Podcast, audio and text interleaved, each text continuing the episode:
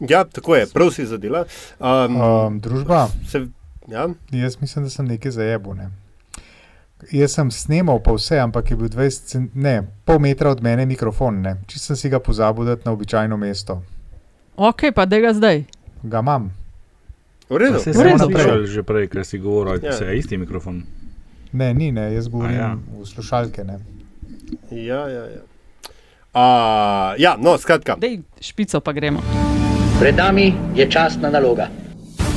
Veliko pa je tudi drobnih, a prijetnih stvari, za katere dolgo ni bilo časa. ker se je bi ga nekdo mora boriti za otroke. Več afer, kot bodo sproducirali, bolj bom grizla in sekala lovke. Ugotovljeno je, da gre za prevaro, da ta prevoz in teh 3 milijone mask ni nikoli obstajalo. Mi nismo ničesar plačali, tako da eh, v tem primeru zagotovo ne gre za goljofijo. Seveda se odpirajo nekatera ideološka vprašanja, za katera smo mi na začetku sicer vedeli. Pa bom spet eh, s prispodobo udaril, da ne bo eh, izpadel nekonsistenten. To je LDGD, podcast, ki nikogar ne podcenjuje in ničesar ne jemlje preveč resno. V imenu svojih najbližjih in v božjem imenu vas pozivam na lov.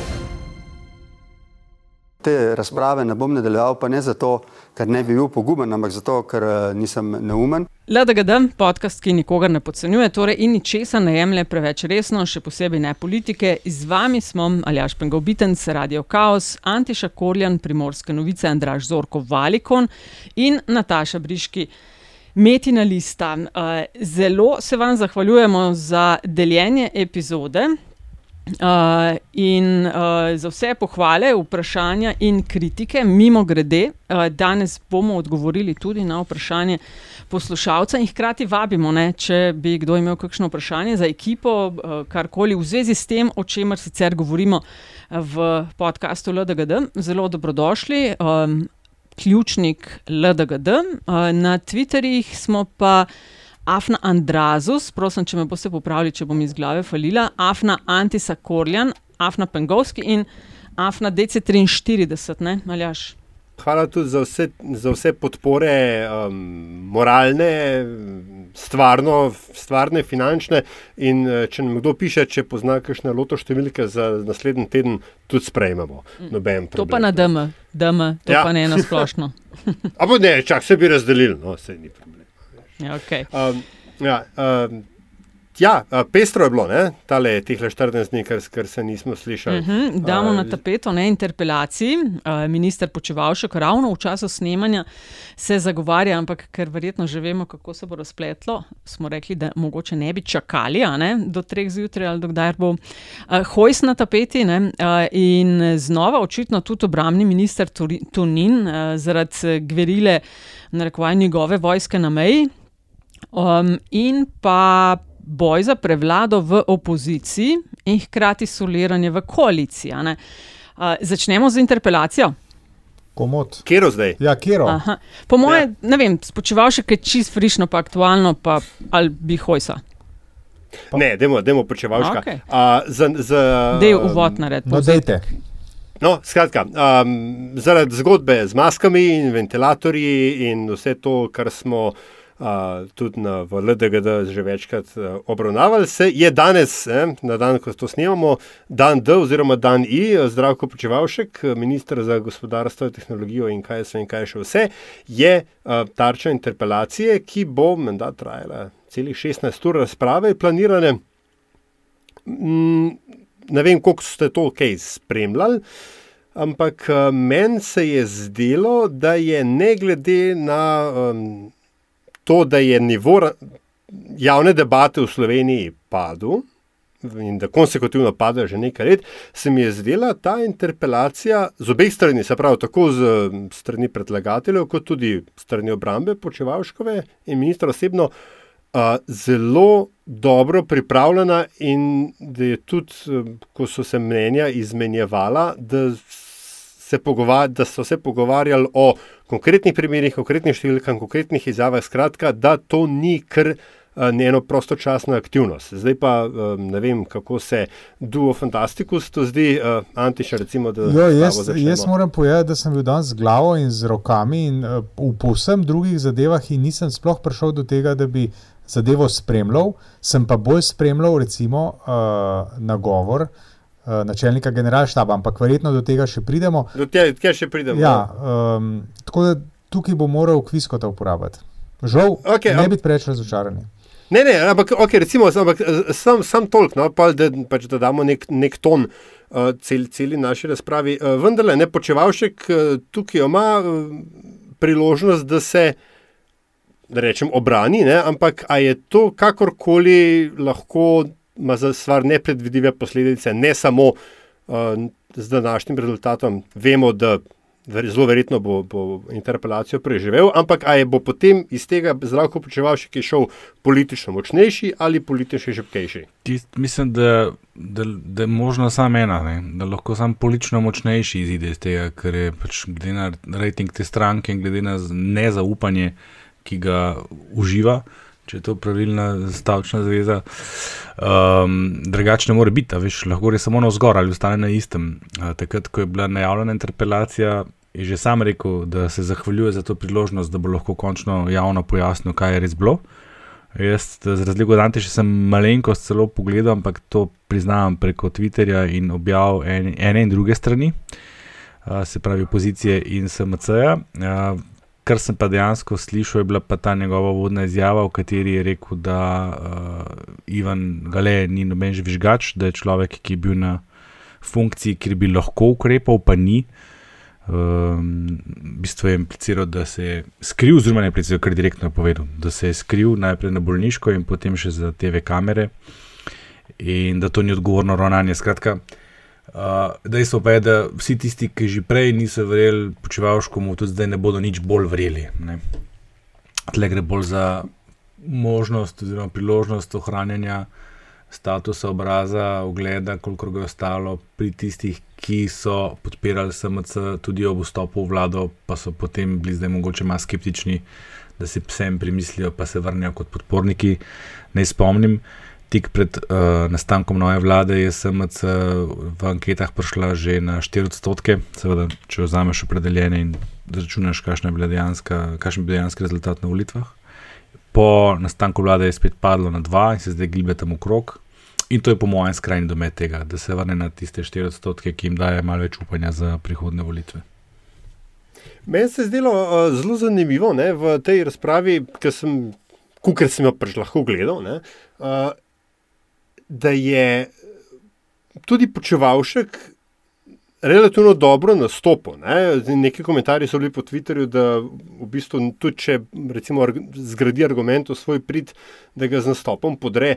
Meni se recimo ni zdel, ne se je zdel uh, precej naštudiran nastop, uh, zelo umirjen in dosti manj. Um, uh, Runklovski, smo, mi, mi smo to besedo uporabili kot je rec, v primerjavi z njegovimi dosedajnimi, dosedajnimi nastopi, nastopi na to temo. Imel je kar nekaj časa za priprave, pa tudi razmere so se sprostile. Takrat, ko je to prišlo ven, je bila afera, oziroma je bila tarča.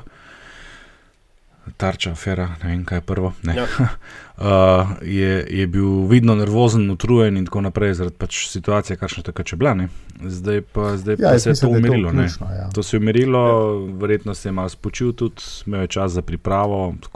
Mene, mene to ne preseneča. Zdaj, zdaj v bistvu je tako, kot še ni bil, prednje je bila kakršna koli kriza sploh. Hmm.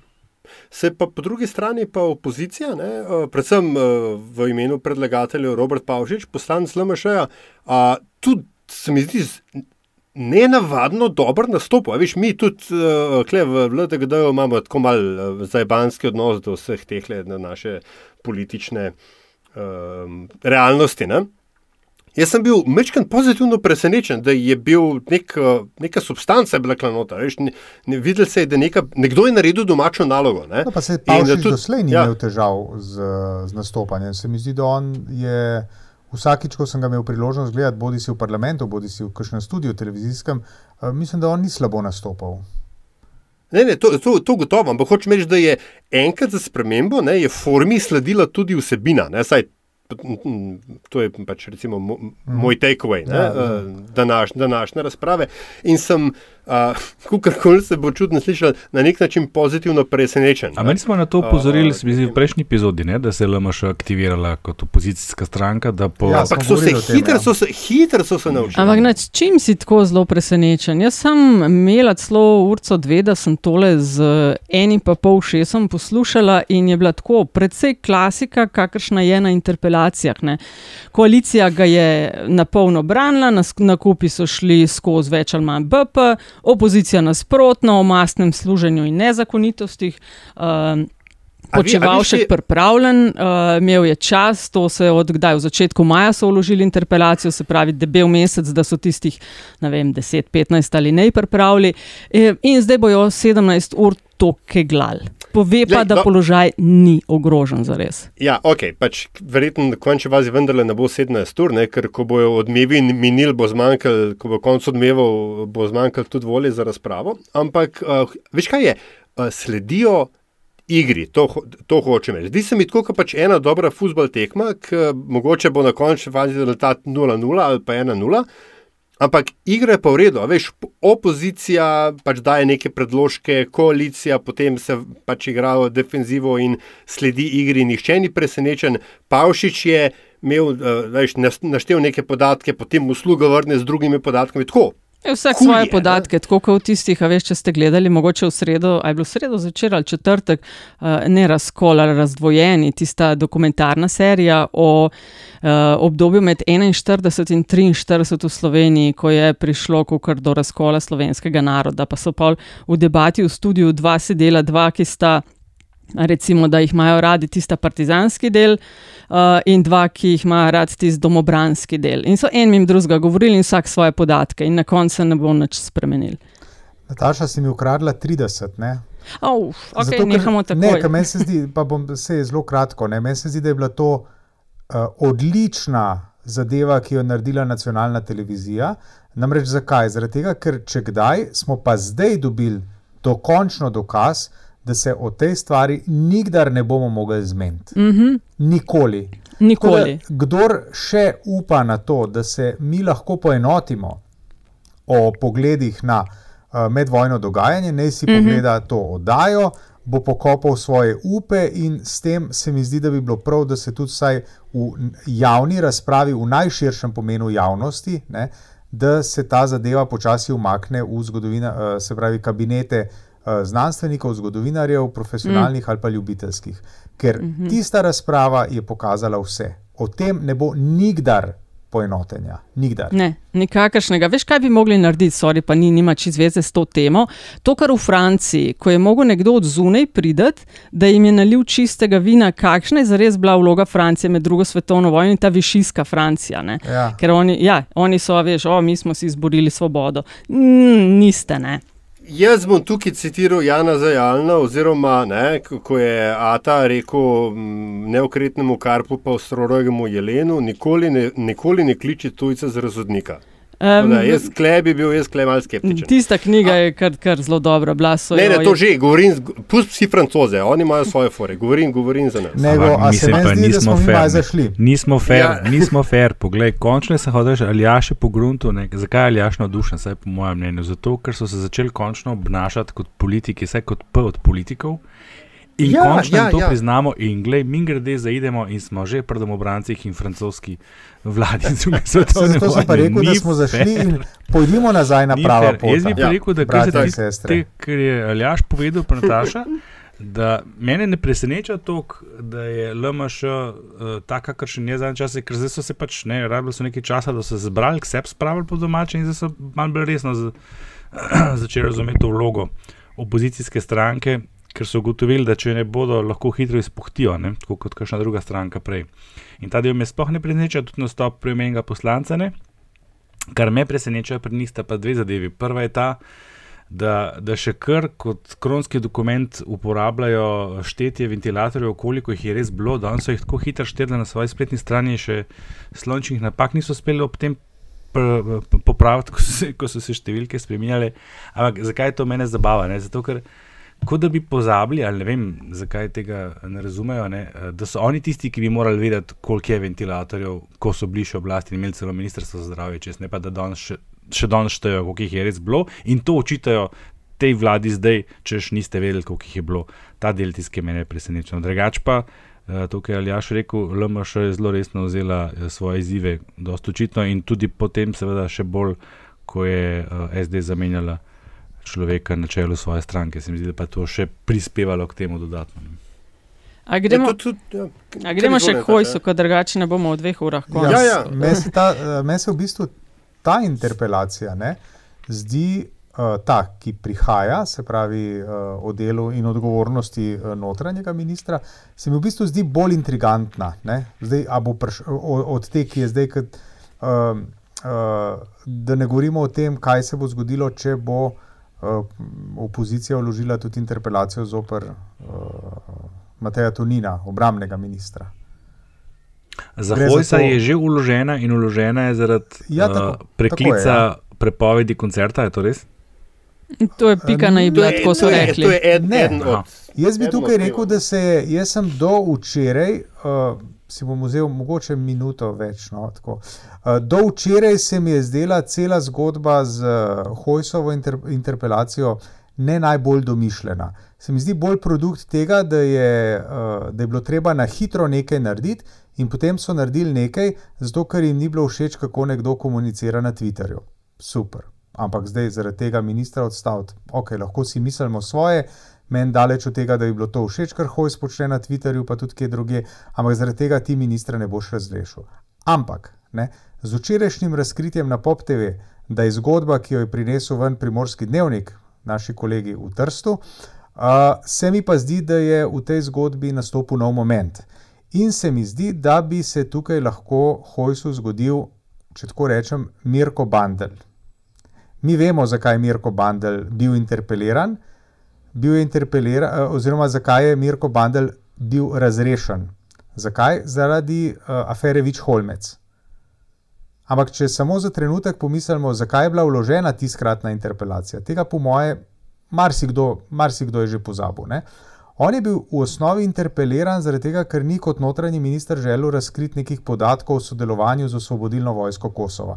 Ne vem čist dobro, zakaj je šlo, sem pozabil, ampak v času med uložitvijo interpelacije in obravnavo interpelacije se mu je zgodila pa afera, oziroma se je zgodila afera Vič Holmec in njega je v bistvu odstrelila, uh, uh, Vič Holmec je njega odstrelil. Ne? In tukaj pri Hojsu jaz ne bi bil presenečen, če bi imel on težave zaradi tega, ker se je več kot očitno dogajalo na meji, kjer policije ni bilo. Zdaj, a se mi lahko pogovarjamo, bila je pa vojska, a se mi lahko pogovarjamo o tem, da je bil nekako uh, famozni 37. člen uh, aktiviran. O vsem tem, po mojem, bo tekla beseda prej kot o tem, zaradi česar je bila interpelacija v resnici uložena. Kaj pa ti misliš, da bo v bistvu zaradi tega in Hojs interpeliran in mogoče tudi Tonin? Ne, jaz ne mislim, jaz samo govorim o tem, samo govorim o tem da, je, da me bo zanimalo, kaj bodo zdaj naredili glede Tonina. Hojsa imajo pa zdaj, pač oni so na zalogo vložili interpelacijo in se jim je igra, bi rekel, ne hote posrečila. To sem hotel povedati. Mislim, to bi dodal, no, tako bom rekel. Ne? Še oni so zaradi nečesa, zdaj ga bodo imeli pa na pladnju, če zaradi ne druge zadeve. No, se to je meni zanimalo, ker jaz nisem bil čist uh, razčiščen s tem. Ja, mislim, zakaj so vložili ja, proti Hojsu? Jaz sem razumel, da, da je bil povod ta, da je bila povod ta odprava prepovedi koncerta. Ne, no, ja, mislim, mislim, ne, pa mislim, zaradi, te, po, po, ne, pa zaradi tega ne vložiš interpelacije. No. No, ampak povod je gotovo bila ne? in pač tukaj, ja, veš, uh, uh, se pravi, Hojsovo uh, Hojsovo argumentacija, po eni strani, zakaj koncert more biti in kako je on bil potem pa vendarle presenečen, da je bil dovoljen. Tud, pač, uh, to, to je bilo malo hecen. Ne? Je pa seveda tudi to, kar je, kar je Antiša rekel. Ne? Nova šefica SD je verjetno morala tudi na hitro pokazati, da ima stranko pod kontrolo in da o, pač brani tekovine, kot se reče. Ne? In kaj boljšega, kot uh, malo reagirati na. na Thompsona in, in ustaštvo in tako dalje. Ne? Ampak uh, je pa res ne, to, kar je tudi uh, Andraš pogrunil. Uh, To zna v bistvu v kotu sabo potegniti tako Tonina kot Hojsa, ta uh, incident na meji, Pričemer je treba vendarle povedati, ne, da lahko vojska že zdaj, brez 37. člena, sama patrolira, če pa zazna nepravilnost, mora kontaktirati policijo. Ne, tako, tako nekako so ta pravila igre zdaj. In uh, mi je zanimiv, zanimiva bila izjava načelnika generalštaba, ne Antiša, to, kar se ti že na začetku ja. rekel, um, kjer je, če sem jaz prav razumel, se je načelnik vprašal, zakaj po odkritju tega niso stekli ustaljeni postopki. Ker je rekel, zakaj, zakaj ni bila obveščena policija. Med drugim o tem, zakaj ni bilo obveščeno vodstvo, uh, mislim, poveljniki, poveljniki teh dveh mm. mož, ki sta vojske. Ja. Uh, vo, vojske, ne, prvi, prvi, prvi uh -huh. uh, nju nadrejeni. Ne, in tako naprej. In tako naprej. Tako. Uh, tukaj je tukaj da, veliko ja. vprašanj, se mi zdi. Ja. In, A sam povzamemo če, za tiste, ki mogoče pa ne vejo, zakaj gre. Ne? No, bo Antiša, bo Antiša kaj blizu. Tako kako le. Okay, no, Uh, bom pa mi dopolnil, Nataša, ti si veš o tem povzemanju. Uh, skratka, ja, Primorski dnevnik je konc, nekje konc maja uh, objavil zgodbo o tem, da so v začetku maja, tam okrog 8. maja, ne, uh, ki se je izkazalo, da je 7. maj kasneje, uh, da je zamejski slovenec z bivališčem v Sloveniji se sprehajal tukaj v okolici Kozine uh, in sta mu na pot skočila dva uniformiranca, ko sta slišala, da govori in ga dala na kolena, van ga uperla orožje. Ko sta slišala, da govori slovensko, sta orožje dvignila, se mu upravičila in mu povedala, da sta predstavnika slovenske vojske. Na poizvedovanje eh, medijev, med drugim tudi nas na primorskih novicah, ali so tega dne bili vojaki na tem in tem terenu, je bilo odgovorjeno: ne, niso bili. Včeraj, se pravi v sredo, je Pop TV razkril, da so vendarle na tem terenu bili vo, uh, bila vojska, uh, s, to, s to razliko, oziroma pač ne, s, uh, razliko v podatkih, pa to, da se je dogodek zgodil 7. ne pa 8. maja. Evo, a sem v redu ja, povzel. Zelo v redu, ja, tako. In tukaj seveda ni bilo sporočeno poveljniko, poveljnikom teh dveh mož, ki sta tam operirala z orožjem. Uh, policija ni bila prisotna, policija ni bila o tem obveščena.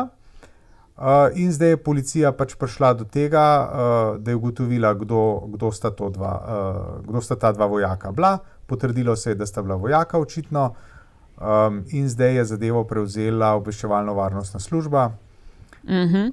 uh, ja, ma, in in to, to. dejansko sem jaz prav razumel. Ta dogodek se je zgodil 7. maja ali 8. E, zdaj se je izkazalo, da so 8. Ja, ampak izkazalo se je, da se je zgodil 7. 25. maja ni bil o tem nihče obveščen, šele 25. maja je primorski dnevnik objavil, da se je to zgodilo. Tako je. Tako je, zdaj pa preizkujejo. Ni nihče, mislim, kaj pa ta človek, kaj pa ta človek ni šel na policijo, mi se pa prijavil komorkoli. A ga je kdo vprašal? Eh, tako kot jaz sem govoril s kolegi v Trstu, in uh, ne bi bilo tako, da ga je pač on ni bil sam, bil tam z eno uh, spunco svojo. Ne? Ja, da, da ga je tako odgovarjala, ne hod, pa se je, ne pa to, pa uno, pa tretje. On je bil tudi prestrašen. Uh, jaz vem, kdo je, nisem pa še z njim govoril, ker ne želi nastopati v javnosti. Um, um, tako da tukaj pač je, ne, verjetno se je ustrašil. No? Jaz vem, da, oziroma ne, neverjetno, vem, da se je ustrašil, ker to so mi pa povedali ljudje, ki so z njim govorili, ne? moji kolegi v Trstu. Uh, um, se ustrašil enostavno. No, vprašanje, po mojem, ki se tle zastavlja, je, pa bom zdaj potegnil pa paralelo z nedavnim dogodkom v Cankovi, uh, ali je minister objektivno odgovoren za dejanje enega uslužbenca, posameznika, v tem primeru vojaka, ki je naperil avtomatsko, oziroma naj bi naperil avtomatsko orožje v glavo tega sprehajalca, na drugi strani policaja, ki je šel. In se namenil, oziroma celo Evropo v banko, in potem britko končal pod streli. Uh, lastne pištole. Ja, za, to je moje vprašanje. Veš kaj, za, za uh, standarde za objektivno odgovornost smo postavili, se mi zdi, tam v začetku 90-ih, ko je bil ta znameniti celovški rob, ne, zaradi katerega je moral takrat policijski minister Ivo Bizjak odstopiti. Ne. Se pravi, celo mislim, da v prostem času so neki specialci slovenski uh, nek kriminal zganjali po celovcu, zaradi česar je potem moral uh, notranji minister oditi. Uh, Eh, to so zelo visoko postavljeni standardi objektivne odgovornosti. V njih se lahko tudi pogovarjamo, kako v bistvu odgovoren je minister za vsako neumnost, ki jo njegov človek naredi tudi v prostem času. Ali pa če hočete, zelo nasplošno rečeno, kako odgovoren je vsak direktor, šef, vodja za stvari, ki jih njegovi podrejeni počnejo v prostem času. Ja, je pa res, da kadar Tukaj, je ta oseba v opoziciji, ne, na odgovornost kliče v takšnih primerih. Ne. To je zanimivo pa, opazovati te no, razlike. To, to, to ja, je na obeh straneh enako. Tukaj, tukaj, je druga, tukaj, je druga, tukaj pa je ena druga stvar. Ne ko se pogovarjamo o odgovornosti, je pa, da so bili uh, uradno, slove, uh, se pravi, pred, uh, pripadniki slovenske vojske tam, kjer načeloma, oziroma v kontekstu, oziroma v formaciji, v kakršni ne bi smeli biti. Ne? Tukaj pa imamo problem. Spravi, kot jaz razumem, je pomembno, da je vojak vedno skupaj z policajem tukaj policaja ni bilo. Hočeš reči, da smo imeli tle eh, en sekvel, gremo mi po svoje. Ah, jaz ne vem, to, to, to, to bomo še videli, kaj smo imeli. Ne? Ampak hočem reči, bili so tam, bili so sami, od prve mu je um, van usmeril orožje, kar se mi zdi tudi še kar problem. Um, in tako naprej. In tako naprej no, se tle se meni postavlja vprašanje. Tu se pa lahko pogovarjamo o odgovornosti. A veš, ker recimo v, v primeru policaja so takoj pojasnili, da je šlo za uh, zaposlenca, ki je že imel težave, ki je bil že napoten po medicinsko pomoč, ki, ki so pač neka dejanja preteklosti že kazala na neko. Tvegano vedenje, potencialno, in psi zlahka rečeš, da je to bil problem posameznika, njegovega duševnega zdravja, nima biti le, ki je minister odgovoren, objektivno, še posebej ne, če vemo, da ta vlada na oblasti ni še niti 100 dni. Ne. Na drugi strani, pri tem vojaku, se pa lahko, seveda, čist isto razlago uporabiš, ne, kako je lahko odgovoren minister, ki je še le dobro prišel. Ne, če je to nek sistemski problem, je pa kvečemo prejšnji minister za to odgovoren, ali z druge strani gledano. Ne, Je pa seveda zelo zoprno, če pa se uh, ugotovi, da pa je to vedenje vojaka spodbujeno z retoriko trenutne oblasti, kjer pa se pa spet postavlja vprašanje, kdo pa je pa v resnici odgovoren za to. Ker si pa lahko predstavljam enega vojaka, ki pa je pripaden ideji, ki jo deli eh, ideologija vladajoče stranke, pa to ni to nova, seveda ne. In se, in se v določenem trenutku počuti močnejšega, kot bi se smel, in ravna bistveno, bistveno čez svoje pristojnosti. Ne? Ampak to potem ni odgovornost, to ni na. Čak, tukaj je treba en korak nazaj stopiti. Uh, in sicer, da je um, Prvič, kolikor je meni ta hip znano, je vojsko na zahodno mejo z Italijo napotila Janša vlada. To ni, to ni stvar Kalarjavca. Drugo, kar je, ta primerjava med uh, policijo in, in vojsko, se mi zdi, da si že sam izpostavil med obema primeroma ključno razliko in sicer, da je se policija zavedala, da ima s tem posameznik, da je pač ta posameznik, uh, da ima, ima težave uh, psihične, ima tudi neko zasvojenost, če sem prav prebral. A je ta posameznik je imel, to naredil čak, v službenem čakaj, času? Čakaj, čakaj, ne, ne, to je manj pomembno. Ne. Bolj pomembno je to, da, da ne, ni, sploh ne. Uh, ključno je to, da je policija tega posameznika obravnavala ne, in da, pač, da so bili neki postopki sproženi in, in da, da so potekali, zdaj so se iztekli, so se tragično žal. Tretje, kar je pa najbolj uh, pomembno, pa je, da je bil vojak, ta, pa ta patrulja tam je bila za neko uradno in točno določeno misijo, in da gre v tem primeru za domnevno ne, prekoračitev teh pooblastil da ne gre za kaznivo dejanje, da vojak je tam je bil, samo ne bi smel delati, se pravi, vojak je tam bil zato, ker so ga tja napotili, ne bi pa tam smel delati tega, kar je naredil. In vprašanje, ki je resnično pomembno tukaj, je, ali ima obrambni minister vojsko pod kontrolo. To je ključno vprašanje. Vojsko ali vojaka? Okay, šest tisoč vojakov ali aš, ne? pa prvič je tako rekoč včeraj na to ministrstvo. Oprosti, v vojski je ta linija po, po, poveljevanja jasna. A veš, in ima vojska, ima tudi dosti manj. Minister dosti... vojska ima svojega general uh, načelnika, ali kaj načelnik general štaba. V, obdobju, v, mi, v mirnem obdobju vojsko, vojski je, je, je, pač poveljuje operativno vlada in v njenem imenu obrambni minister. Veš, kako meni se zdi ta je... primerjava med policistom in, in tem vojakom. Tu policist, pa mogoče sem kaj zgrešila, ja, s težavami, ampak kaj to on naredil med tem, ki je imel značko na prsih? Pa, on tega ni naredil kot okay. policist, Ta on to dva naredil vojaka, kot klej pa, robar. klej pa pač ja. ključno to, ali sta ona dva, seveda je Tonin je takoj rekel, ne morem prevzemati odgovornosti za vsazga v tistih šest tisočih, ki so zaposleni na Ministrstvu za obrambo. In se mi zdi vprašanje, ali je šlo za eno oziroma dve gnili jabolki, ker sta bila dva. Tukaj, ne, pač eden je z mitraljezom v civila na Peru ali ne, uh, ta drugi je pa zraven gledal, se pravi, a sta dva solirala in delovala seveda nezakonito in bo preiskava to pokazala in bosta sankcionirana, ali pa imata mal takšna navodila. Ne, čak, čak, Ja, pa še nekaj, vprašanje- lej, ne, pa še nekaj, Nataša, ne. Vprašanje je ministrova, ministrova reakcija. Kar nekaj Mislim, časa. je tudi klasična, trajalo, nimam za kaj odstopati. Ugotovili sploh, a so sploh bila tam kakšna vojaka ali ne. Pa ne samo zaradi tega datuma, ki se je spremenil vmes, ampak tudi kasneje so še kar nekaj časa potrebovali. Da so ugotovili, da Ampak, pa menda sta se pa res nahajala. Mislim, veš si, kdo pa pravi, da nista ta dva vojaka malo preveč zares vzela svoje poslanstvo, pa sta bila tudi ona dva v prostem času tam. Se ne vemo, ne, Ampak bilo čakajte, benga veste, tam. mi ne. se- V uniformi, Mi se tukaj, mi se tukaj zdaj pogovarjamo, da sta dva, vedno bolj se izkazuje vojaka, uradna predstavnika slovenske države, Mhm. uh, delala z orožjem nečes, nekaj, česar ne bi smela. Tako je. Meni se, zdi to- meni se zdi to še kar zoprna okoliščina. Um, in se, Andraš, tako po človeški plati se lahko strinjam s tabo, da minister je tukaj dva meseca in on ne more povsem nadzorovati te vojske. Ampak tako, politolog v meni, če, citi, če citiram Aljaža, pa pravi, da od trenutka prisege je za, uh, za stanje na svojem resorju odgovoren minister, ki ga vodi. To je zelo Sej, zoprno, sem- ampak tako sem- pač je. Ne? Zato sem pa to veš. vprašanje postavil, kje je ta meja Ne. objektivne odgovornosti. Ker ti predstavljaj si čisto hipotetično, Ampak da, se to zgodi da do- drugi dan, ja. veš, ker je isto. Ja. Drugi dan po prisegi, da se to zgodi. Ali pa zdaj le, ali pa čez dve leti. Ne? Kje se To je- začne? To je, zdaj, veš? to je zdaj zoprna okoliščina, in uh, jaz mislim, da uh, javnost, opozicija in vsi ostali bi za dogodek drugega dne imelo bistveno, bistveno več razumevanja, kot ga ima za dogodek uh, vem, uh, 80. dne. Ne? Ko je minister vendarle tam že, uh, že kar nekaj časa. Sej, to je moje vprašanje. Kjer, kateri dan In- se začne ministrovo objektivno odgovornost?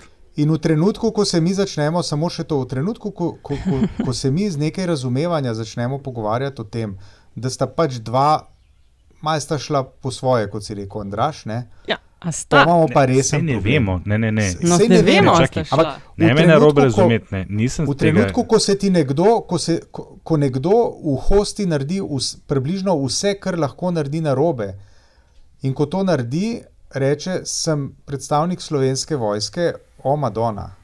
Ne? In še nekaj, ne? it's not the crime, it's the cover-up. A veš, policija je, da rečemo, gnilo jabolko, ne? komunicirala takoj in pojasnila vse te okoliščine. Vojska, mislim, vojska bi bila tih, če ne bi ta gospod prišel, uh, um, obvestil prvič uh, policije in potem bi ta, pač ta stvar prišla v medije. Mi sploh vedeli ne bi. No, ampak moramo In- biti in je- fair, ne, ker to še preiskujejo. Kaj je No, no. vojska kdaj vedela ta trenutek, ne No, vemo. Čakaj malo, vpraš, hec je. Mene vojska niti ta, tukaj ne zanima toliko, kot me pač zanima politična odgovornost obrambnega ministra, ki je, prosim, rekel, da je to fake news. In zdaj se bo zgovarjal, da je šlo za en dan razlike, ampak oprost, kaj meni nekdo reče za bolj banalno stvar, a ste plačo unračunali, ne, nam šel tam pogledati, kdaj bi rok plačila, ampak pogledal ja, to dva dni je, spredi pa zadnji. je. In ko smo že pri tem, mene bi zelo zanimalo, kaj bo zdaj rekel ambasador v Rimu, Tomaš Kunstelj, to, ja. A, ki je um, tako, freh je bil, ne? Uh, ko je od uh, primorskega dnevnika terjal opravičilo. Jaz sem vesel, objavo, podpiram Igorja Devetaka in kolege, da se za to niso odločili, ker se nimajo za kaj opravičevati, sploh ne državnemu uradniku na uh, začasnem delu v tujini. Ampak se mi zdi, da bi bilo pa zdaj na mestu eno opravičilo v drugi smeri. Bomo spremljali, če bo prišlo, ker ja, hudi pritiski sem brala na kolege z primorskega dnevnika, naj umaknejo, ja, ta veleposlanik pa celo naj se upravičijo za objavo. Pa se to, to ni bil njegov prvi taki izlet ne, v discipliniranje medijev. On je tudi en italijanski medij, nekako uh, v zvezi z, pa sem pozabil zdaj s čim, ampak okoli protestov ali nečesa je, je tudi neki hotel. Skratka, s, tem, drugo s to interpelacijo počivalška to bo šlo čez, s Hojsa pa se nam zdi, da zna biti še zelo zanimivo, sploh ker čakamo tudi, kaj je zares bilo eh, na meji in je povezano s Toninom, ministrom Toninom. Eno vprašanje, Zdaj, v zadnjih dveh, treh tednih so se mal spremenile sile znotraj političnih strank. Ne? SMC ima po novem osem poslancev, pa štiri ministrstva in predsedovanje državnemu zboru, NSI pa sedem poslancev in tri ministrstva. A misliš, Antiša, Andraš, mislite, da zna pride do klele kakšnih pritiskov, češ, da bi mogoče eno ministrstvo lahko NSI od SMC-ja dobil? Ker govori se že počasi o tem. Uh, ne vem. Težko, Misliš, da ne bi? Če bi bil NSI, ali bi to zahteval? Ne vem, težko. to pa res težko špekuliram. In tudi ne bi rad špekuliral, res ne. Okay. Andraš, se ti zdi, da znakaj pride do kakšnih prerasporeditev? To se je zanj, če se je to začelo tako omenjati. Mislim, da je celo, je to NSA celo sprožilo, da bo pa mogoče zdaj. Horvat je nekaj. Ne, bil, da bi ja. pa zdaj čas, da se malo preračuna ta razmerje in tako naprej, pa da je bilo to z druge strani kar hitro zavrnjeno, češ, da to pa že ni potrebno, pa, pa se skrb malo potihnilo. Dvom zdaj, le, če bo tako pregreto zrače, če bo to ni na tapeti, da bodo še kaj takega poskušali, ker bodo dobili dvojno dozo nazaj, ne? če še, še teh ministrstv, ki jih imate, ne obvladate, kaj bo tem še enega. Uh, in po mojem, tudi ne bojo tako resneje poskušali s tem. Ne? Mm. Ampak uh, je pa zanimivo, da SMC občasno um, se spomni, da ima liberalno hrbtenico in uh, nasprotuje nekakšnim takim bolj res uh, iliberalnim ekscesom. Ja, to je uh, več, največje vladne stranke. Ne? No, in zdaj, seveda, ne, mene zanima, če smo že nazaj pri Hojsu in Toninu, da uh, te stvari, pa pustimo Thompsona, ampak tudi sicer, veš, te Hojsevi izleti proti protestnikom, uh, uh, pa kako obračunava stanje in tako dalje, to ni vredno notranjega ministra ene resne države. Ali se strinjam, hkrati pa ne vem, če je to razlog za interpelirati nekoga. Ne, ne, ne se strinjam, goto, gotovo. Ne? Ampak ali bi mogoče lahko SMC tukaj signalizirala kakšen odklon od koalicijske, uh, od koalicijske linije, samo zato, ne, pač, da o, pač opomne vse ostale, da tudi njihovi glasovi tukaj noter niso zdravo zagotovo, če niso zdravo. To sem hotel prenadaljevati. Veš, sej ni point v tem, ali jih ima 10, 9 ali pa 8. Point je v tem, da njihovi glasovi so ključni za obstoj te vlade. Desosovi, NSA-ji so tako malo zdravo zagotovo vzeti. Desosovi naj bi bili vsaj polovica njih itak na drugi strani, tako da tle, tle ni nevarnosti. SMC je pa edini, kjer bi se to lahko zgodilo. In v tem pogledu je po mojem zaradi tega to kar dosti hitro potihnilo, ker so tudi sami dali vedeti, ne se hecata, veš zdaj dva poslanca, manj zdaj en minister več, kaj zdaj delimo tle potičke v peskovniku, ne se tudi malo neresno zgleda v končni fazi. Ne. Tako je pač razporeditev, zdaj če ste en šla, dva, kaj češ zdaj. Mm. Um, smo rekli, da rečemo še. Vprosti, samo še to. Pa se mi zdi pomembno povedati uh, pri tej um, interpelacijski vnemi, ne, da um, velja vendarle dobro namerno opoziciji svetovati. Dajte se mal brzdati, da ne bo zdaj za vsak šel na robe čez cesto, da v dubu interpelacijo, ker boste povzročili popolno inflacijo interpelacij, kako lepo grejo te tujke skupaj. Ne? In tega ne bo nihče več resno jemal, kaj šele vas. Ja, to, sploh, pa mi, to, sploh pa ne mi, ki ničesar ne jemljemo preveč resno. točno to se je učitalo včasih trenutno vladajoči stranki, da z vlaganjem interpelacij Absolutno, ja, blokira ja, delo vlade, ker to le vendarle vzame nekaj časa, pa ukvarjanje s tem. Pa še posebej, če se na koncu, oziroma že v začetku ve, da se ne bo nič doseglo s tem, da je to samo show off. Ne. Mm, um, smo rekli, da smo mogli ta pravi trenutek, da mogoče malo obdelamo še ta uh, okay, koalicija. Uh, zdaj SDS, premijer Janša, se zdi, da uh, v ne tako majhni meri uh, solera. Njegov dvor, sateliti, ki, ki voljno letajo okoli in uh, paramedijske enote, ki jih ima. Uh, uh, v svojem rokavu, so prve tedne, pa še danes, ne izkoriščali za garbanje medijev, predvsem nacionalne RTV, uh, eh, pred vsakim njegovim mandatom enako. Spet smo v drugi svetovni vojni in selektivnih interpretacijah. Eh, zgodovine, dejstev, partizanov, domobrancev, in spet eh, zaznavam, da začenjamo o pravih in nepravih družinah. Eh, debatirati in vse skupaj cepljeno na teorije zarote. Ne. Zdaj, ko gledamo koalicijo, ne, sem razmišljala, NSI s Toninom na čelu, NSI je dolgo časa bil v opoziciji in nekako more nahraniti te ljudi, ki jim pomagajo. Ne. Se pravi, jih ne vidim kot troublemakerje. Ne? Polovica verjetno njihovega članstva, če ne več, je tako in tako na strani, oziroma razmišlja podobno kot Twitter in govorijo SDS-ovi. SMC-vi s počivalškom vejo, da če grejo na volitve, vsaj sodeč po anketah, da, da bo to polom. Deso Spivec pa nova predsednica, ki nima pod kontrolo uh, te svoje poslanske skupine. Ne. Predvsej neverjetno se mi zdi, kaj vse so za res pripravljeni požreti, potem, kar sem povedala, pa mogoče uh, niti ne. No. Sploh to, a veš, Janševo soliranje na zadnje, um, to se mi kar do škandalozno zdi iz Evropske komisije, komisar Gentiloni ali kako je že ne. Da pojasnijo zamenjavo na vrhu Sursa, napada celo EPP, se pravi, to je ta skupina, znotraj katere je tudi SDS v Evropski uniji. Ne vem, kako.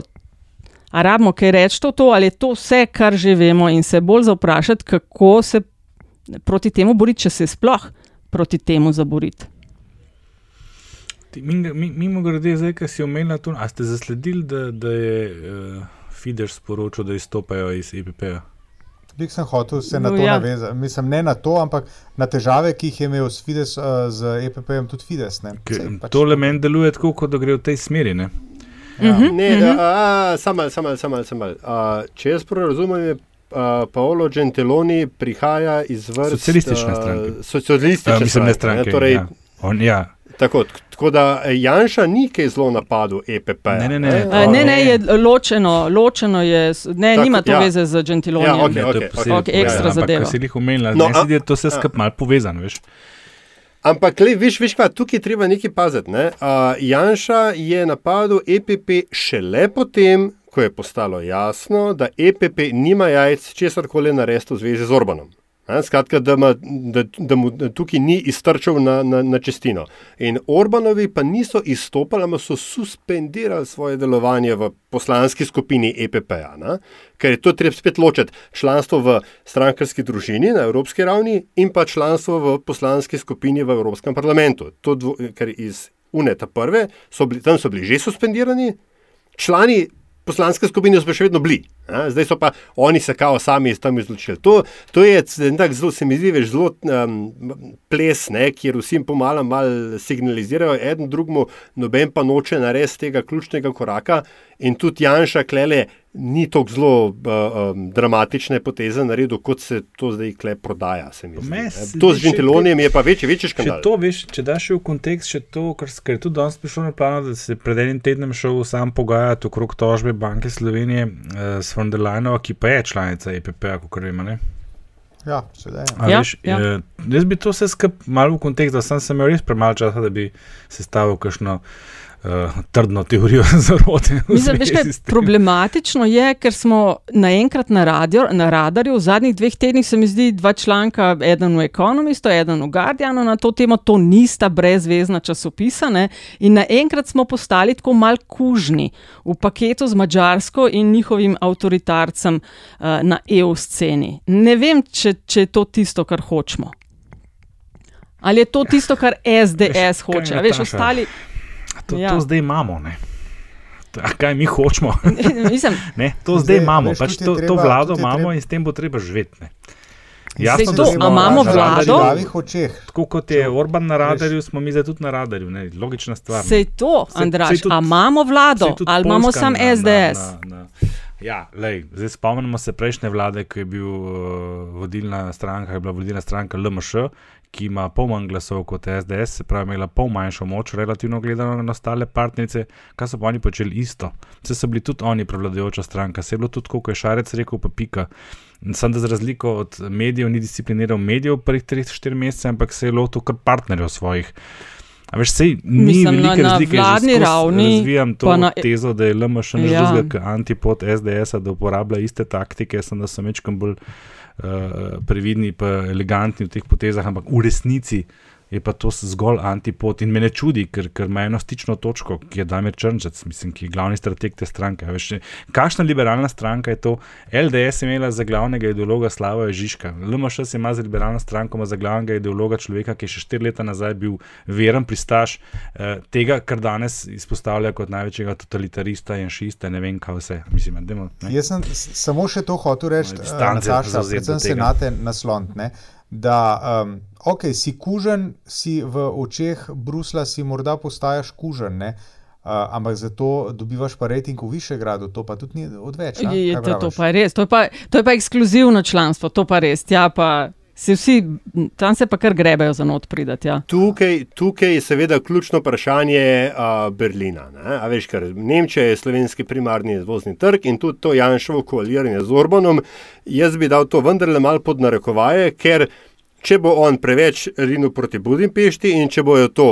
Vprašanje strateškega pomena bo prišel klic iz Berlina in bo Janša lepo nazaj v linijo padel. Ali jaš, kako to misliš preveč? A ti hočeš reči, da še bolj? A, a ti hočeš reči, da, da lahko Merklova zaukaže nemškim podjetjem, da ne, ne naročajo materijala oziroma surovin za avtomobile Slovenije? In a ti yes, hočeš reči, yes, da, da, da, da, da Angela Merkel lahko Janezu Janši kaj reče? Pa človek, ki je lepo, ja. povedal sestanek z Vladimirjem Putinom. ne, se hecati. Ja. ja, pa seveda. Lepo, ja, lej, bil ta prvi Vladi... predsednik vlade je odpovedal če... sestanek z Vladimirjem Putinom. Kaj? Antiša, o, Jan, o Vladimirju Putinu obstaja neko splošno, sicer ima detajle, evropsko soglasje, da je on, kot se temu reče, frenemi, prijatelj in sovražnik hkrati. Vprašanje v, v, v Evropi. Je pa druga, takrat, ko, treba, um, ko bo treba dobiti glasove in podporo za kakšne resne premike ne, v kakšnih ključnih evropskih vprašanjih, verjemi mi, da se bodo pač prestolnice med seboj uklicale in da se bo tudi opominjalo, kdo je komu, kdo kaj komu je. In Slovenija nima zaveznikov v EU. Nobenih, nikjer, niti jih nima v Višegradu, no, niti jih nima v Rimu, ja, niti jih nima no, v Berlinu. Vse no, se je hotel biti malo sarkastičen. Mogoče pa ja, prosim, sarkazmom izved. Janša kot ja. zvesti Tito pionirček, eh, kot, kot pripadnik te stare šole komunistične, oziroma pripadnik otrok te šole.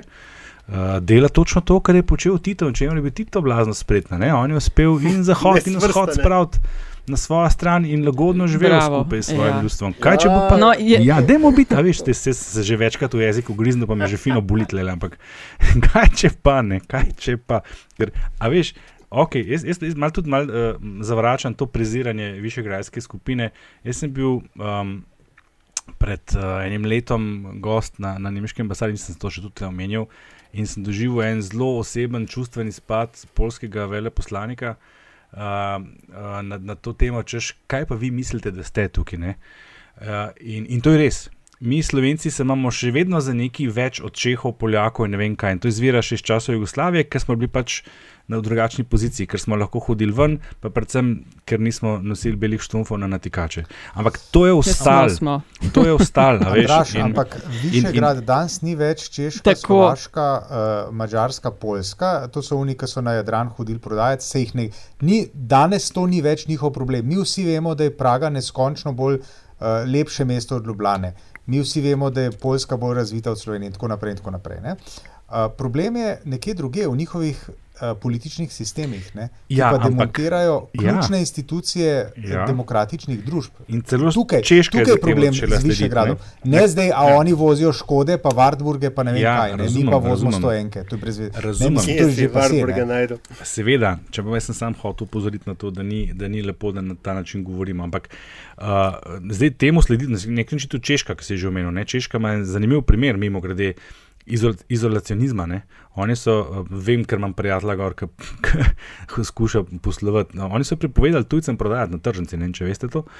Zelo uh, zopren primer, ne Tle nima več, veš, prosti trg, pa meje, nobene, nobene veze več s tem, kar, kar trenutno počnejo. In ja, se zavedam, in zakaj to počnejo, in zakaj pa v končni fazi se bo vprašal, zakaj pa ima te stranke tam tako podporo. A ste vi videli podporo, ki jo ima Orban že ne vem koliko let?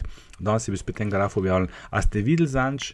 Objavili so podatke, da, da je te vodilni stranki na, na polskem podpora še zrasla in znaša čez 50 odstotkov. Zakaj je to tako?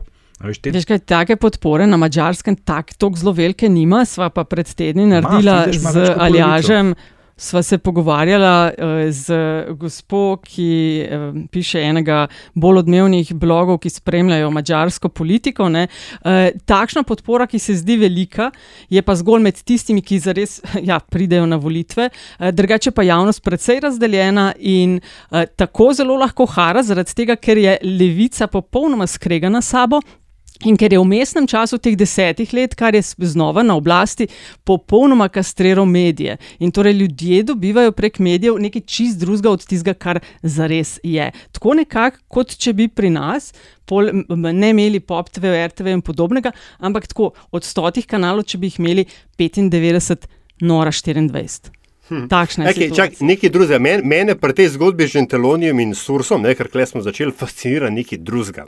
Ta razlika v pojmovanju, slovenskem pojmovanju prioritet in evropskem pojmovanju prioritet. Ne? Ker kaj se je zgodilo? Uh, Janša vlada zamenja načelnici vojske policije, ništa. Zamenja šefa kriminalistov, ništa. Orang hara po medijih zapešo, ne, tako malo gunžamo. Zamenjamo šefa statistikov, bum! Pizdarja cela. Ne? In veš, tu se mi zdi, da je kle ta diskonekt med, med tem, kaj so. Kaj je v Evropi res pomembno, in, in kaj je pač kle v blatnem dolu, ne, s, čim, s čim se mi igramo.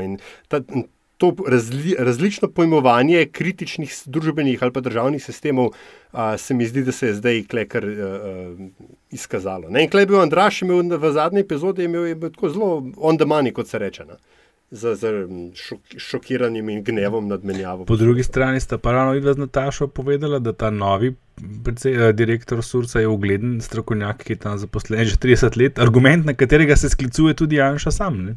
Ja, ampak ne, čist, česar Jan še ne pove, da gre za VD-ja, ki je imenovan za največ šest mesecev. Potem bo ja. pa vlada imenovala nekoga drugega. Da, jaz sem govorila iz izkušnje, ja, snemanja metnega čaja in tistega, kar smo z njimi imeli. Ne, da je ugleden, sploh ne dvomim, da je tudi gospod, ki ga je zamenjal, bil ugleden, uh, me tudi, uh, tudi ne dvomim. Ne. Skratka, nič nimamo proti Poljakom, Poljski, Češki, Slovaški, Mačarski, imamo pa Hočeš proti. Reči, nimamo nič učinkovitega imamo pa proti demontaži demokracije, eh, nespoštovanju človekovih pravic in tako dalje. Zato je članstvo, po moji oceni, imamo različna mnenja v višegrajski skupini, tako bežmo stran, čim prej, dokler je. Uh, takšna situacija. Veš, kaj je? Višji grajci nas tudi nočijo več. Oni nas nočijo več. Oni nas, kot ja. prvo nas itak nočijo.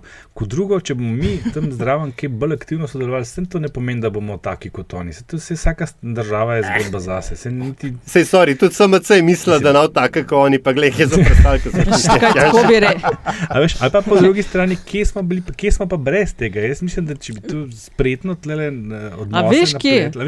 Pred štirimi leti smo imeli Cerarja, ki je paktiral z Belgicem in Luksemburžanom, ne, z takimi malce drugačnimi državami ali pa da, voditelji, vidi, kot so tisti stigli, v teh državah.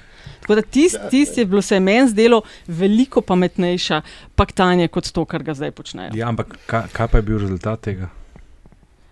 Veš, ja, a, veš, bi... Definitivno nismo se v isti skupini družili z uh, avtokrati, posnemali tisto, kar oni delajo, imeli smo zaveznika znotraj Evropske unije, pa takrat, da me ljaš spomen, so celo bile zadeve, ko, smo, ko so nas podprli, pišu, kaj zdaj se nam spomenila. Uh, uh, ampak je bilo nekaj na evropski pa, ravni, ko smo ja, ja, je, dobili je bilo, podporo. Takrat je glih rute, je potem Skratka, za to se pa neki, neki, so neki z arbitražo je bilo. Da, tudi. Uh, ta razvoj dogodkov, kot je bil na vzhodu vzhodu, oziroma dva branika sta. Prvi je proporcionalni sistem, v katerem se ne bo nikoli zgodilo, da bi SDS dobila več kot polovico glasov. To Ma si upam reči. Never se never. Ne, to si upam reči, ker je po zadnji raziskavi naše stopne odbojnosti do te stranke zdaj še narasla in znaša krepkih 55 odstotkov. Drugi branik tega je pa tradicija. Mi nimamo take tradicije avtoritarnosti, kot so imeli na mačarskem, češkem, polskem, zato tam taki režimi tako cvetijo, kot cvetijo. Slovenska no, družba no, je še vedno ja, pretežno ja. levo-liberalna. Da imamo trenutno tako vlado, ni rezultat volje ljudi na volitvah, ampak nesposobnosti prejšnjega predsednika vlada, da vodi manjšinsko vlado in je pač omogočil razmere, zaradi katerih je prišlo do te vlade. Ni, niso voljivci spet, te vlade izvolili. To je dejstvo. Kar je mogoče spet argument, da imamo mi v, v Višegradu, da imamo v Višegradu nimamo kaj iskati dolgoročno. Ampak glej, se nima veze. Zdaj na opozicijo eno uro že govorimo. Ja. Veš, to je tako, k, ja. ne, uh, smo se zanč pogovarjali, kako so se primorci zmrdvali, ker so ljubljančani hodili dol med, med epidemijo, zdaj bi nas pa hoteli si metne. Ker bomo nekega dne zgubili dopustnike iz Nemčije, bomo še veseli dopustnikov z Polske. Mogoče bi bilo pa z tega vidika fajn imeti bolj tesne stike z Višegradu teh smo, s, teh smo vse, vse zelo veseli. Če hočejo pač morje, bojo itak sem prišli, kam pa bojo na sever šli. Po zimi, če greš v Ukrajinsko goro, tam so Poljaki, Slovaki, Bosanci, Hrvatije. To je, to je recimo ja, ukrajinski no, gori. To je naš, to je naš milij. Nič proti ljudem. Na registrskih tablicah, no, zdaj. Ne? Ja. Ja. ja. Dej, a imamo mi še kaj za narediti? Ja, seveda imamo itak, ne. 30, ne? Ja, hašnih 30, na začetku smo obljubili poslušalstvo, kaj bomo s tem naredili? A ja, znaš, tam je eno uro, ja. Ja, dejmo, dejmo, dejmo um, našega. Kaj pa, če žrtvujemo zadnjih 30, ki jih Janti še želi? Ne, ne, ne, 30, ko imamo, ne, to mora biti. Uh, čakaj, le, v luči. Razmišljaj, hitro najti nekaj. Skratka, v luči boja za glavno vlogo v opoziciji se zdi, da se mali zmenjuje ta SD in zdaj Svajon na čelu in LMŠ in Šarec. No? In uh, smo dobili vprašanje poslušal, poslušalca, ki je. Če sem prav razumela, si zapomnila iz Avstralije, ampak trenutno v Sloveniji, pravi James, pravi pa tako, sprašuje tako. Uh, sumim, da bodo Janes Janša in njegovi želeli Fajon brandirati kot bruselsko elitistko. Zdaj pa zanima ga, kako se utegne Janša pozicionirati v luči predsedovanja Slovenije svetu EU, uh, ali bo takšno treširanje Fajon zakompliciralo narativo ali pa nasprotno. Se pravi, je, če kogar sem jaz razumela, ali bo nasprotno, skratka Janša, kot če bo se vlada sveda obdržala in bo predsedoval svetu EU, nastopil kot da je treba EU mal uh, reformirati. Ja, skratka. Dragi James, ja. dear mate. Uh, Janez Janša je bil v svoji prvi izvedbi kot predsednik vlade, bil, uh, se pravi, se je prodajal, brendiral kot uh, garant evropskosti v Sloveniji. On je bil veliki zagovornik, zaveznik uh, Evrope uh, in Evropske unije, seveda. Ne? To je bilo v obdobju 2428. 2428, ja, tako je. Uh, zdaj, uh, v tej iteraciji, drugi in tretji, je pa začel kazati nekaj skepse do Evropske unije, do institucij Evropske unije in tako naprej. Zdaj, jaz mislim, da, prav, da bo um, šel revolucionarno s torpedom nad institucije Evropske unije v času predsedovanja, mislim, da ne. Da pa bo poskusil v soglasju oziroma v sodelovanju s kolegi iz vzhodne Evrope, mogoče pa kakšno stvar tako za kakšen centimeter premakniti. Misliš, da bo v tem stilu še naprej treširal Fajon, bruselska ali bo poskušal kot bruselsko elitistko? Ker ta pa SD dobro, gre SDS-u. Pre... Ne, ne moreš za bruselsko elitistko uh, treširati z uh, pozicije stranke, ki ima, ki ima tradicionalno dva ali pa tri svoje ljudi na tej isti poziciji, kjer je Tanja Fajon. Mislim, veš, kako zdaj? Imáš zvera tam, imaš Tomčevo tam, Tomčevo si dal z mesta. Uh, evropske poslanke Dobro, za kandidatko, za, kandidatko za predsednico republike. Ne, jaz ne vem, kako si pri tem lahko verodostojen.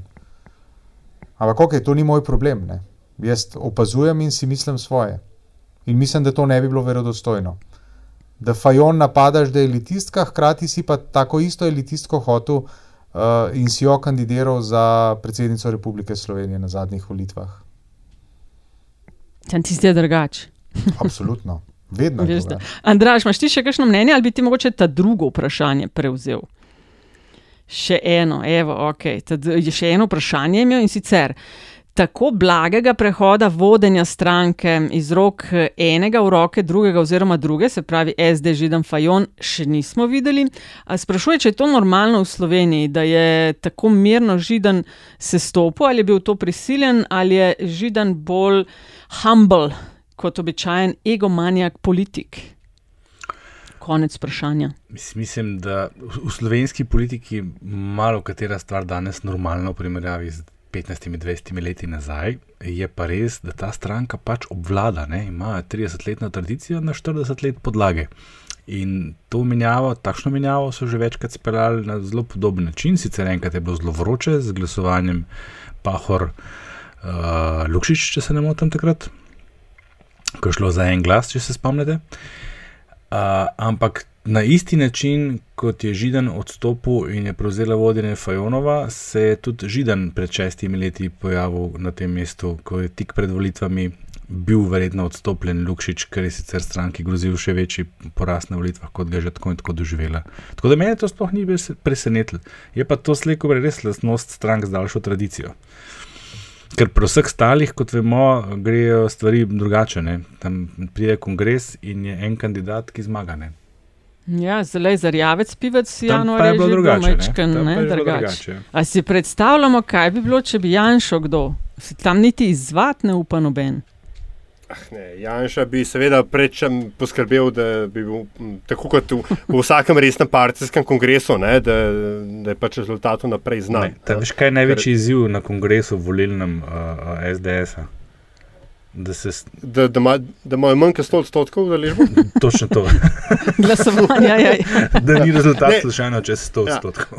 Ja, ja, bi, pa, bi pa jaz vendarle, veš, James je eno tako zelo zanimivo. Um, paralelo potegnil ne, med Tanja Fajon in uh, Julia Gillard, ne, ki, je bila, ki je imela ta njen famozni mizoženi speech uh, v avstralskem parlamentu. In se mi zdi, da je, vsaj tak ton sem nekako zaznal v tem mailu, da je tudi hotel vprašati, ali vendarle v Sloveniji obstajajo dvojna merila ne, v odnosu do političark in politikov. In vsaj kar, kar se mene tiče, mislim, da je tukaj odgovor absolutno ja. Ne. Uh, in da bo pač Tanja Fajon iz naslova tega, da je ženska deležna drugačne obravnave strani politične konkurence, ki je večinoma moška, kot bi bil. Kot je bil, recimo, Dejan Židan. To, to absolutno je to res. In jaz sem tudi na tej strani, tle pa moram odkrito priznati. Jaz podpiram njo samo zato, ker je ženska. Ah, no, mislim, kaj, to pa ne moreš. Hecam se. Ne, hotel sem reči to, da, ampak tako kot vlada, da tukaj Ljaš rekel, ne, da je odnos drugačen. Jaz absolutno podpiram, pozdravljam večji delež ženskih predsednikov v parlamentu. Zdaj imamo tri in, in to, je, to je zelo lep razvoj dogodkov in upam, da se bo nadaljeval. To še nismo imeli. Ne? Nikoli. nikoli. Ja. Antiša, želiš še ti kaj dodati ali pičemo zadnjih 30? No, ima kdo željo prvi, zadnji? To ponovadi se grebe. No, bom jaz, bom jaz, no, ker sem že zadnjič. Jaz bom nadaljeval vesoljsko temo od uh, prejšnje epizode. Um, tokrat iz Šoprskega vodnika po galaksiji, moji drugi Bibliji.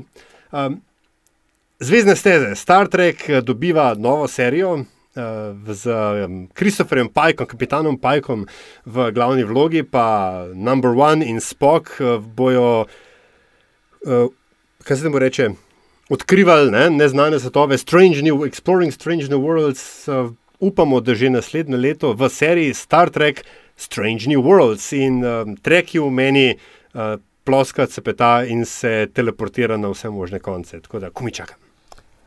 Bom z, z, kulturno, z kulturno produkcijo nadaljeval jaz. Včeraj je v domači knjižnici pristala hm, monumentalna, si upam reči, več kot 700 strani, debela knjiga uh, Jožeta Pirjevca z naslovom Partizani. Uh, Jože Pirjevec je v mojih očeh uh, garancija za dobro, dobro napisano, tekoče branje.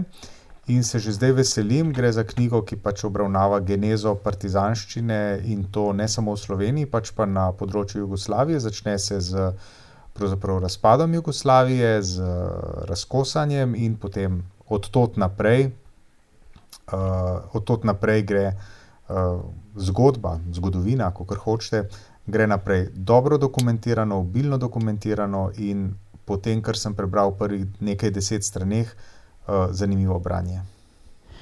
Andrej, že veš, ali rabiš še kakšno sekundo? Ne, ampak bom pa sledil statistiki, zdaj bi se upal tudi napovedati ta vrstni red. Namreč uh, Aljaš je najpogosteje prvi in temu tesno zapetami Antiša kot razvidnost priloženega.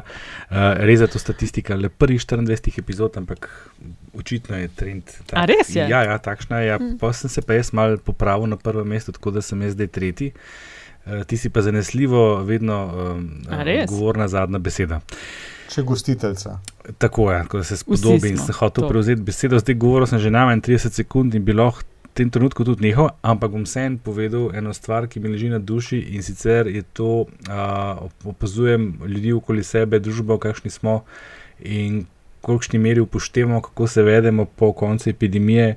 Opažam pa tudi iz naših raziskav, vidimo, da je dober še del ljudi precej uh, sproščen uh, in je pozabil na vse ukrepe. Jaz bi se en apeliral, dragi moji poslušalci, poslušalke, res, da trenutno kaže, da smo ven iz tega, ampak virus je še vedno tle. Uh, če, če mi ne verjamete, pogledajte, kaj se dogaja v Severni Makedoniji. Uh, ena nespametnost, e, e, ena, ena velika neumnost nas lahko pripelje hitro nazaj v situacijo, v kateri smo bili. Sicer verjamem, da ne bo več takega zaprtja javnega življenja, kot smo bili priča spomladi, pa vendar, lepo prosim, ni težko vzdrževati distance, ne mi dihati za vratnik v trgovini. Uh, tudi če maska ni obvezna, mogoče bi jo vseeno lahko imeli, ker je vseeno ena zaščita pred vas pred drugimi, ki se že, če se tako vedete, kako se in ste mogoče okuženi, nikoli ne veš, ali nisi, eh, ker jaz bi res računal na morje. Um, pa ena domača za konc. Uh, jaz sem bila po dolgem času, pred dnevi, uh, sem obiskala slab savico, uh, ne samo, da že dolgo ni uh, bil slab takšen. Uh, Uh, po obilnem deževju je bil mogočen, kot menda že dolgo ne. Uh, celotna izkušnja je bila kot ena vrnitev v preteklost, nobenih tujcev, skoraj nobenih avtomobilov s tujo registracijo, sami naši. Turistov še razumljivo ni, ob tem pa dodajam, kako fajn se mi pravzaprav zdi akcija spodbujanja do postovanja doma, omejitve potovanj, verjamem, da marsikomu niso všeč, ne grejo v kontekst, mene niti ne motijo tako zelo, celo veselim se, da me ne bo gnalo spet nekam ven, ampak da bom še več časa namenila odkrivanju Slovenije in lokal patriotka v meni vabi na Kočevsko. Uh, toliko za tokrat, uh, postavimo piko. Ne, škoda, se še le uro, da se lahko lahko še ja, Hvala za poslušanje epizode. Če se vam zdi, da smo kaj zanimivega novega povedali, bomo veseli, če boste delili. In ponavljam tisto iz začetka. Če imate kakšno vprašanje, lahko poskušamo na njo odgovoriti v eni od naslednjih epizod. Uh, pišite na ključnik LDGD na Twitterju, oglasite se nam na Twitterju ali pa mogoče direktni message na Facebook tako bomo zihar dobili. Tako da, hvala lepa in to je to.